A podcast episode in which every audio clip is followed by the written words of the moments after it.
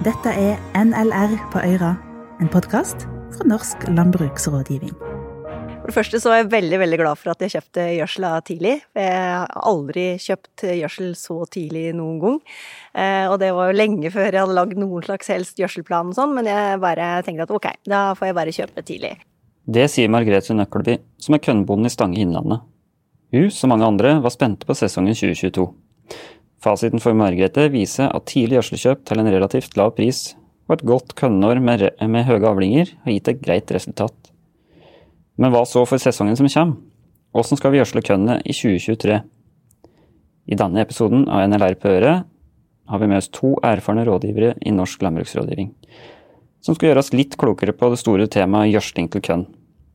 Mitt navn er Morten Livenengen, og du hører på NLR på øret.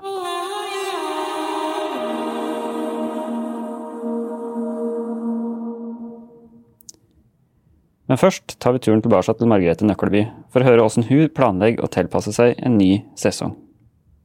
Her driver vi da med kønnproduksjon. Eh, noen år har vi høsthvete, andre år har vi vårhvete, og andre ganger har vi bare bygg. Eh, nå i år hadde vi eh, bygg, termusbygg, og det tror jeg faktisk at det blir neste år også. Da gjødselprisen begynte å stige i fjor høst, var Margrethe snar med å handle inn gjødsel. Det viste seg å være lurt.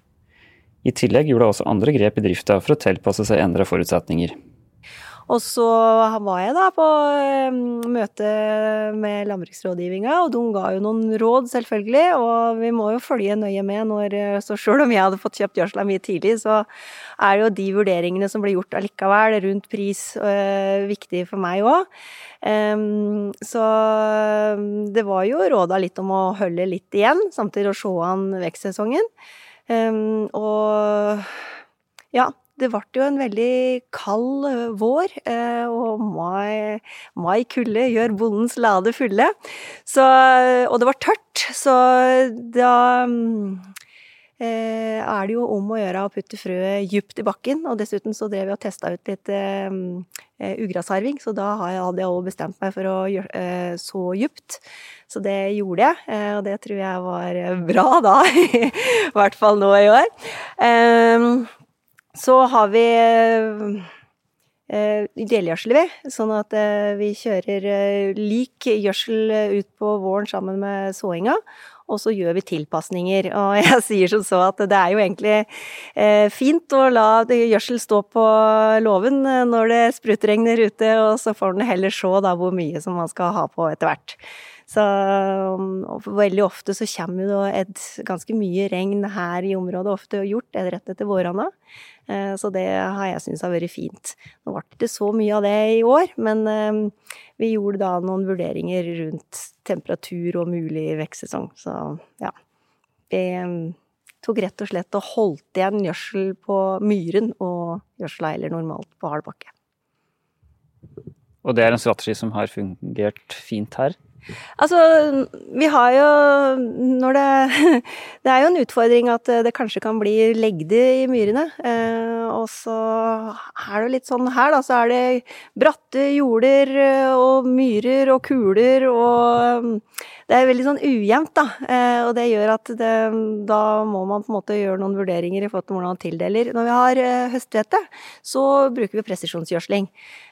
Men på vårbygg så er det ikke så aktuelt å, å bruke det, og da får en heller ta litt mer grometoden, og så holder vi da rett og slett igjen for å prøve å få kønnet til å stå i myra. Mm. Med dette her som bakteppe, da, eh, hva tenker du om vekstsesongen 2023 og din planlegging for den sesongen? Nei, vi må jo gå ut og tenke at eh, det blir gode avlinger eh, neste år òg. Må jo innrømme at vekstsesongen 2022 ga jo beste avlinga vi har fått på bygg her noen gang, og jeg har skjønt at det var gode avlinger på hvete òg, så det, vi må jo satse på at vi får gode avlinger da òg.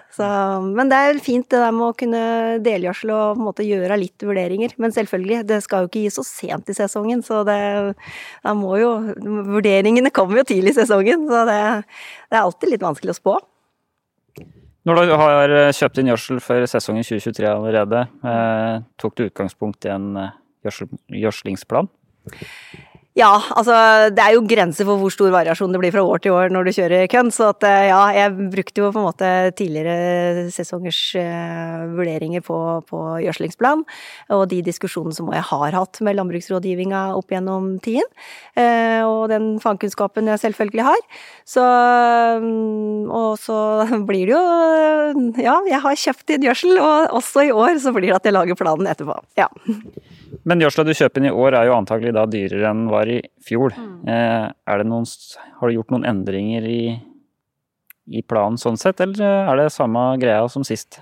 Nei, jeg, jeg skal, tror nok kanskje at jeg kanskje vurderer å knipe litt. Eh, gjør det, for det, det, er klart at det, det må, det må eh, gi betaling tilbake.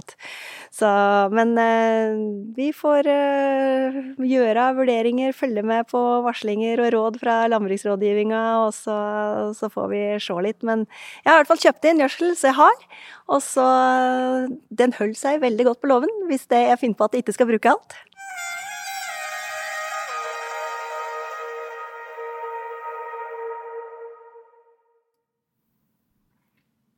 Men hvor mye gjødsel skal vi egentlig bruke kvendyrka kommende sesong? Til å prate om det temaet har vi Ingvild Evju, rådgiver i NLR Viken. Hallo, Ingvild. Hallo. Og vi har Bjørn Inge Rostad, rådgiver i NLR Øst. Hallo. Hallo, ja.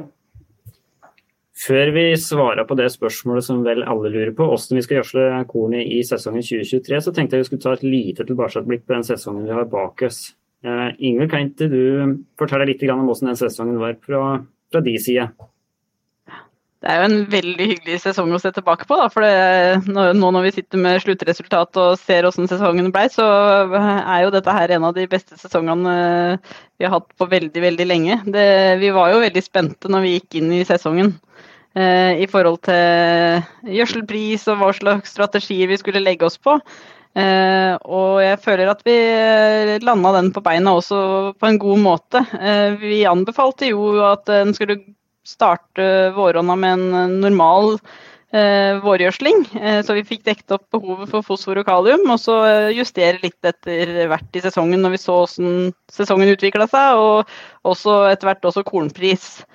Så fikk vi dele, da etter hvert delgjødslinga som jeg tror en del reduserte noe på, så alle gikk, kom seg gjennom sesongen som var med en eh, noe lavere gjødslingsinnsats enn tidligere, men allikevel så oppnådde i hvert fall i mitt område et veldig godt resultat fordi vi fikk god planteutvikling. Så eh, alt i alt så har vi nok vurdert gjødslingene litt mer med skråblikk, og så har vi landa veldig bra. Så ja, veldig, et veldig godt år. Hva tenker du Bjørn Inge, er du Enig eller uenig, Ingvild? Jeg blir ganske enig. Vi er mye den samme vekstsesongen her hos oss, og så samme strategien på gjødslingen vi lagde her hos oss. egentlig. Så Veldig heldig at vi fikk en så god vekstsesong i år da, med den høye prisen vi hadde. Så er vi veldig glad for. Hadde vært verre hvis det hadde vært motsatt nå, fått en dårlig avlingsår også med så dyre kostnader. Mm. Hvis vi ser litt framover, da. Eh, hva svarer du Bjørn Inge når det kommer en gårdbruker inn på kontoret ditt og sier ja, hvordan skal jeg gjødsle kornet mitt i sesongen 2023. Hvor starter du hen? Vi tar jo en prat litt om hvordan sesongen har vært. da. Hvordan, hvordan avlinga har vært i forhold til den gjødslinga man hadde i år. Og så, og så, ser vi på mulighet på hvilke vekster en skal ha neste år, og legger opp gjødslinga i forhold til det. Og så er det viktig å være litt offensiv. Da, men altså, den skal gjødsle til forventa avling. Det er vel det som er viktig. Også Være litt vettug der. og så Ikke tro at avlinga vokser hit opp i himmelen, men at den da gjødsler til det en vanligvis pleier å, å forvente i avling. Da. Har en jevne korndyrker eh, en god oppfatning av egen avling? Jeg føler det. Eh, det er litt mer fokus nå, men den prisen en tenker seg litt mer om i forhold til hvilket nivå en skal gjødsle på. Men sånn generelt så syns jeg det at det er veldig dyktige til å, å gjødsle riktig i forhold til den avlingen kan forvente. Hvilken strategi legger vi opp for eh, gjødslinga i 2023? Ingvild, har du lyst til å si litt om uh, Hvis vi tar det generelt først, og så tar vi ned på hver kornart etterpå? Ja, nei, altså helt uh, generelt så tror jeg at det er viktig at vi tenker litt sånn som i 2022, at i hvert fall ikke vi skal komme skeivt ut på oppkanten. Da. Så vi på en måte vi må dekke opp for fosfor og kalium eh, fra våren. Eh, og så får vi justere etter hvert i sesongen med, eh, med delgjødslingene, eh, hvor at vi da eh, hovedsakelig bruker nitrogen svovelgjødseltyper. Eh, hvis det er tilgjengelig. og så får vi på en måte heller tilpasse mengdene, da, ettersom måte sesongen utvikler seg og en ser hvem vei det går. Men i hvert fall at den legger opp til en normal start det er fornuftig. Og da eh, helt generelt da, så legger vi ofte opp til at den gir en sånn 8-9 kilo nitrogen om våren. Og så må man tilpasse mm, tildeling av fosfor og kalium ut, ut ifra jordanalyser. Mm. Men da tenker vi delgjødsling for alle kornarter? Eller? Ja, altså det er egentlig ingen kornarter som har eh, gitt noe negativt utslag for delgjødsling. Det gjelder å treffe på tidspunkt. Eh, så det er en eh, veldig fornuftig strategi for alle kornarter. Så er det sånn at bygg og havre gjerne skal ha næringstilgangen sin relativt tidlig, og så har den litt mer å gå på i forhold til sånn som veite. Men hvor det er en del igjen som pleier også å bruke to delgjødslinger. Så en må se an de kornartene en har, da. Men eh, eh, hvis en skal ha avling, så må en eh, få ut gjødsla fra en begynnende eh, avsluttende busking, begynnende skyting og nei, begynnende strekning. Og skal en ha protein, så er eh, da delgjødsling ved begynnende skyting. men det er jo da kun i matveite hvor det er tema, da. Så er det viktig å følge opp og følge med, da, altså at den er tidsnok ute med, med den første delgjødslinga. At den ikke glemmer seg bort der, og så, så følger vi opp det. Ellers når det er for seint ute, så, så, går det veldig utover avlinga. Så det er viktig. Mm. Mm. Helt klart. Og det å se dette her også da i, i forhold til været. For det, hvis en ser at det kommer noe vær som kan gjøre det plundrete å komme utpå f.eks., så kan det være lurt å heller kjøre litt for tidlig òg, sånn at den ikke, denne kornåkeren blir stående og sulte. Så Yr er fortsatt en god venn. Viktig å følge med. Mm. Hva slags gjødseltyper, eh, hvis vi prater handelsgjødsel, hva slags handelsgjødseltyper er det vi har å, å bruke i Kønnåkeren? Vi har jo ikke så mange å velge på lenger. Da. Vi har litt mer til gamle dager at vi har kun Yara sine produkter å velge på. Men det er jo forskjellige gjødseltyper som dekker det meste. Da. Så det er også å velge rette gjødselslaget til den enkelte skifte og vekst. I hvor stor grad er korndyrkeren interessert i å bruke flere gjødselslag? Vi vil gjerne ha det litt rasjonelt, og det prøver vi å legge opp til når vi har, legger gjødselplan også. At det skal være gjennomførbart òg, og mest mulig rasjonelt for bonden. Men opp, at du dekker opp bra i forhold til det, det behovet som er til vekst og, og på hvert enkelt skifte. Da så ser vi jo det nå at uh, i og med at gjødselprisene har gått såpass opp, så er det veldig viktig at en ser behovet i forhold til jordanalysene. For det kan fort hende at det, en fint kan tære litt på det som er i, er i bakken og bruke en rimeligere gjødseltype. Så en tar seg en god vurdering der og ser hva jordanalysene faktisk har å fortelle en. Mm. Da er det jo veldig fint å benytte oss da, til gjødselplanlegging. Vi, vi, har jo god erfaring med å legge gjødselplaner, så vi har også god kapasitet. Så vi bruker et program som heter Skifteplan, som vi har brukt i mange år. og Bak det programmet så ligger det jo veldig mye forsøk. og I forhold til tabellene, normtabellene vi bruker, så er det jo veldig mye, mye forsøk og godt grunnlag for den beregninga vi gjør i det programmet. Mm.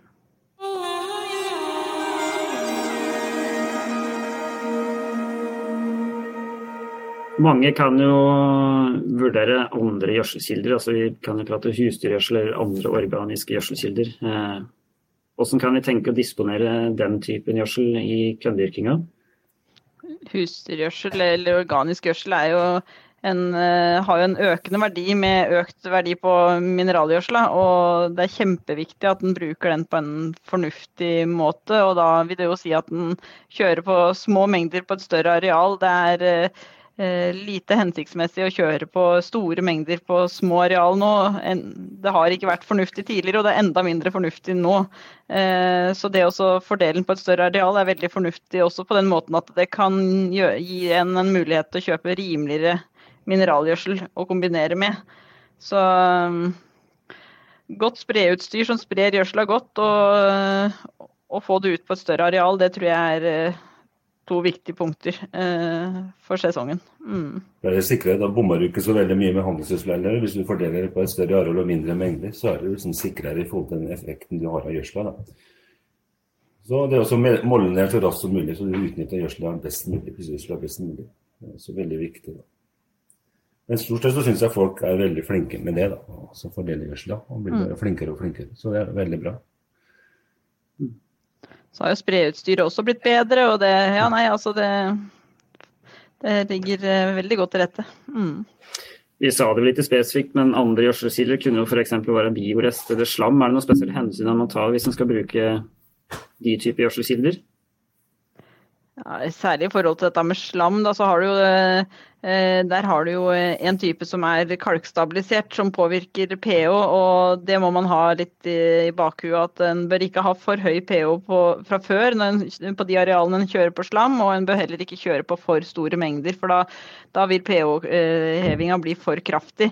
Eh, en for høy pH det er, en, det er negativt eh, og vil påvirke tilgangen på mangan og sink eh, særlig, men også andre næringsstoffer. Eh, og vil også kunne da føre til at man må tilføre mangan og sink med bladgjødsel. Eh, en kan jo si også at det er ikke gunstig å ha for lav pH heller, så det er veldig viktig at man eh, får heva pH-en til et, et, fornuftig nivå. For, for, lav pH gir også begrensninger i næringstilgangen, men, men at den prøver også å legge seg på si ja, 6-6-4 der i omkring på kornjord, det, det er et greit nivå uh, å være på. Vi har jo ikke sagt så mye om det ennå, men det agronomiske utgangspunktet med, med ratt pH og, og drenering. Eh, hvor opptatt er folk av det nå, kontra før gjødselprisen steg? Ja, det, jo, det, må være på plass, da. Drenering. Det hjelper ikke å dyrke på et areal som har dårlig drenering og dårlig dreneringsevne. Da vil jo bare få dårlig vekst. Og så det med pH også. og Følge opp det selvfølgelig. At du må ha riktig pH til den veksten en skal dyrke. Så det er alfa og omega hvis en skal drive godt og få et godt resultat. Så litt tilbake til det med slammet, så er det også veldig viktig å spre det jevnt. Så du ikke får for mye overlapp, at du da får, får veldig høy pH som omgivelse. Det er jo veldig gunstig der du har kanskje lav pH. Da, så veldig rimelig måte å få pH-en på med å bruke kalkstabilisert slam. Det en skal være litt obs eventuelt, er jo det hvis en har veldig lave magnesiumtall, så er det ikke alltid får at det er den kalktypen som er brukt til kalkstabilisering inneholder magnesium. Eh, så det skal en ha litt sånn i bakhuet at en sjekker opp hva slags eh, magnesiumtall en har på eh, de arealene en sprer det slammet. For hvis det er behov for magnesium, så må, bør man bruke en kalktype som tilfører det. I hvor stor grad vil vi si at et vektskifte påvirker gjødslinga, og, og hvordan påvirker det? Bjørn Inge, kan du si litt om det? Det er veldig godt å ha et godt vektskifte, for det får du bonusen får du liksom igjen året etter. Ved å velge vekster som har en god forgrødeeffekt, og som sanerer sykdom, og ikke minst samler nitrogen. Vi har jo erter og åkerbønner som samler fra 3 til 4 kg nitrogen, som de kan utnytte året etterpå. Så det er veldig gunstig med den høye gjødselprisen vi har i dag, og så utnytte det best mulig. Og så er det også mulighet til å dyrke det neste år da, for å redusere litt på gjødselkostnadene. At en dyrker erter og åkerbønner. Så det er også noe å tenke på. Eh, nå har vi mange fine sorter. Vi har hatt et eventyrlig avlingsår både på åkerbønner og erter nå i 2022. Eh, på erter så har det vært helt over 600 kg med, erter her hos oss. og det er jo helt enormt, egentlig. Så det, det er en spennende veksel som man bør tenke på når man skal prøve å redusere litt på gjødselkostnader. Så er det å bruke sånne gode forgrøder. Helt klart. Det eneste en skal huske på i den sammenhengen der, er jo at det bør være tilstrekkelig med fosfor og kalium eh, eh tilgjengelig. Da. Eh, så det også må igjen vurderes opp mot eh, jordanalysene. Mm. For ellers så kan du droppe gjødsla til erter og åkerbønner. Så da mm. sparer det. På, på jord med god hevd så er det ikke det noe problem. Da så er det jo sånn at en kan jo også tenke på dette her i forhold til eh, altså, det, det kornet en dyrker. Og det er forskjellige eh, behov. Og sånn som havre har jo et eh, lavere næringsbehov enn en hveite f.eks. også. Og så det bør en jo også ha med seg i, i planlegginga og inn i sesongen. At en, en kan legge seg på forskjellige nivåer.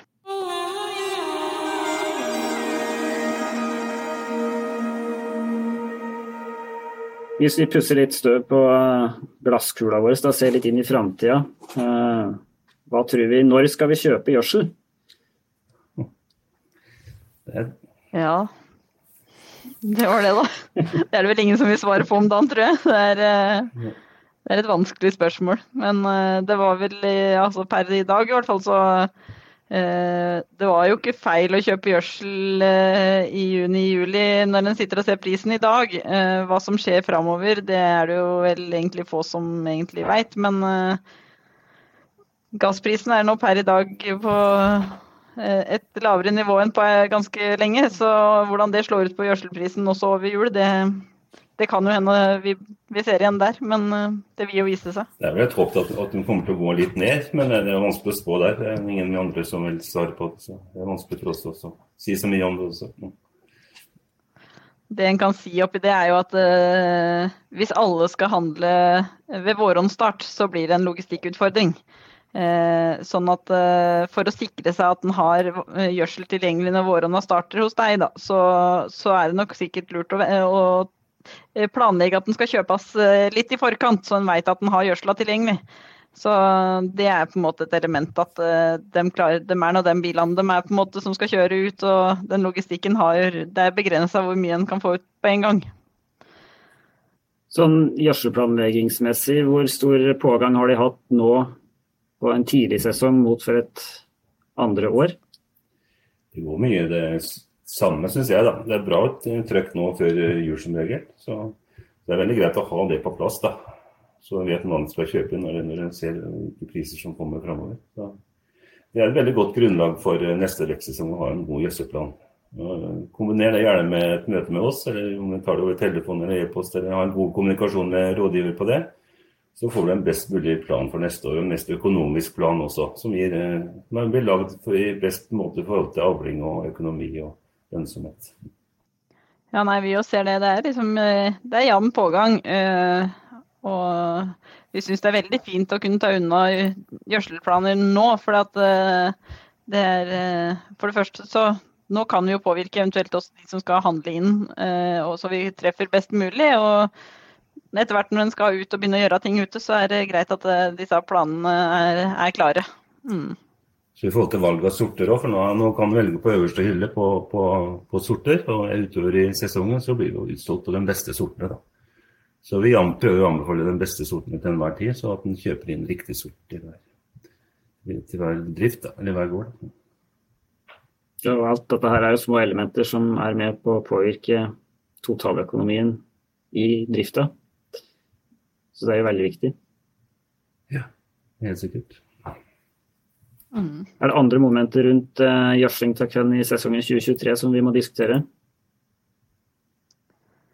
Nei, altså Det en kan si er jo altså uh, Gjennom de siste sesongene i hvert fall så har jo dette her med bladgjødsling kommet opp som et uh, tema. Og det er vel altså sånn som vi ser det i hvert fall, så får ikke vi noen voldsomme eh, responser på disse kombinasjonsmidlene i forsøk.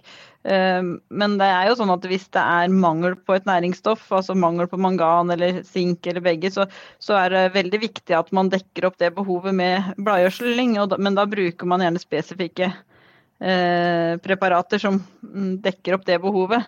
Uh, og vi ser også det at uh, bladgjødsling med Eh, gjødseltyper med relativt høyt nitrogeninnhold og gir eh, positiv effekt på proteinet f.eks. Men eh, ja. Det kan være fint å booste litt hvis en er litt usikker på om en klarer å opprettholde proteinnivået. Hvis, får, hvis du mm. får en høyere avling enn det en kanskje forventer, da, så er det en fin metode å booste den rett ved skyting da, med en sånn flytende gjødsel. Men jeg, vi syns det er veldig viktig at en ikke skal drive og kalke seg så høyt opp så at en må begynne å bruke mangan og sink mm. for, å, for, å, få det hvert år. Da. Helt klart. Det beste er om en liksom har ei, ei, jord som på en måte ikke gir de utfordringene, at en ikke har på en måte kommet seg dit, da. Når du kommer inn i sesong og kønnet begynner å vokse, så har jeg hørt uh, rykter om at det er noe som heter bladprøver. Kan, uh, Bjørn Inge, kan du forklare oss litt hva det er for noe? Hvordan vi kan bruke det? Ja, Vi har jo en metode da, som vi, vi går og ser symptomer eller har mistanke om noen mangel, så tar vi ut bladprøver og sender vi det til Megalab i England. og Innen en ukes tid da, så, så, får vi svar om eh, hva, hva plantene har tatt opp av næringsstoffer og mikronæringsstoffer. og Hvis det er noen mangel da, så har vi da muligheten til å anbefale en uh, flytende gjødsel som inneholder det som plantene mangler. da. Så det er en veldig fin måte. Og hvis en er litt usikker på hva det er, òg, så har en også mulighet til å sende inn bladanalyser. Så det er et tilbud vi har til medlemmene våre.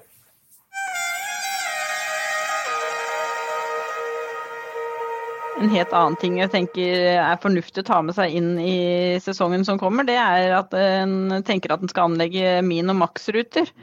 Det er, en, det er en, et kjempefint eh, hjelpemiddel som alle kan ta i bruk. Eh, og det vil jo si at eh, når du sår til våren, så har, du, stenger du gjødslinga på ei lita rute, så ser, kan du på en måte lese fargen på plantene se hvor lenge jorda bidrar med næring til de plantene. Uh, og så har du, når du delgjødsler, så gjødsler du uh, fire kilo nitrogen mer uh, på ei ekstrarute, som på en måte da har bedre tilgang på næring. Og idet den ruta er mørkere enn resten av åkeren, så forteller det deg at resten av åkeren kanskje trenger litt til. Uh, at den har litt for lite næring tilgjengelig. Så det er jo sånne fine hjelpemidler som en kan bruke på uh, forskjellige skifter og rundt omkring på gården for å være med på å gjøre vurderinger i, forhold til næringsbehovet. En kan gjerne kombinere det med å bruke en håndholdt N-tester eller bladanalyser eller en, en, sensor for den saks skyld, men bare det blotte øyet òg kan gjøre en god jobb i den vurderinga der. Så er det også mulig til å legge ut på høstskolen og legge ut en presenning. Ja. ja. Mm. Når du gjødsler om våren, så er det akkurat det samme der. Da ser du, da ser du hva jorda, jorda, gir. Det varierer veldig fra år til år. Da. Og ikke minst på hvilken forgrød den har, om en har brukt husgjødsel og sånne ting. Så det er et veldig nyttig verktøy, egentlig. Og helt gratis. Så det nå hadde noen eh, min- og maksruter fra sesongen som var, og da var det variasjoner fra halvannen til tre kilo enn som ble målt i opptak på de minirutene. Så det, det, sier noe om at det her er et spenn, altså. Mm. En annen ting som også bør nevnes, er jo at eh, når, i forhold til husdyrgjødsel, så der er det også et veldig stort spenn eh, i næringsinnhold. Eh, så det å ta ut ei prøve av den husdyrgjødsla eh, for å vite hva slags næringsinnhold eh, din gjødsel har, det, det, gjør også at du får utnytta den best mulig. Mm. Og Da har vi muligheten å legge de verdiene inn i gjødselplanprogrammet, så du får helt en nøyaktig effekt av den gjødsla du bruker. Både på foster og kalium og nitrogen. Så det er nyttig. Mm. Det handler egentlig om å kombinere alle muligheter for å gjøre ting riktig. Sånn det er, og så er det jo ingen vekstsesong som er helt lik, men det som er spennende med å drive gård, er at en har noen utfordringer gjennom vekstsesongen. Og Der prøver vi å hjelpe til så godt vi kan. Det er veldig bra. Så får jo sluttsatsen bli at eh, er det noe du lurer på, så må du kontakte din rådgiver i Norsk landbruksrådgivning. Jeg er tilgjengelig og eh, setter pris på telefoner. Ja. Veldig, vi er veldig heldige da, som kan ha en sånn jobb som vi har. Vi er mye ute og svarer, prøver å hjelpe til så godt vi kan til våre medlemmer og andre. Så det, det er en veldig fin jobb vi har.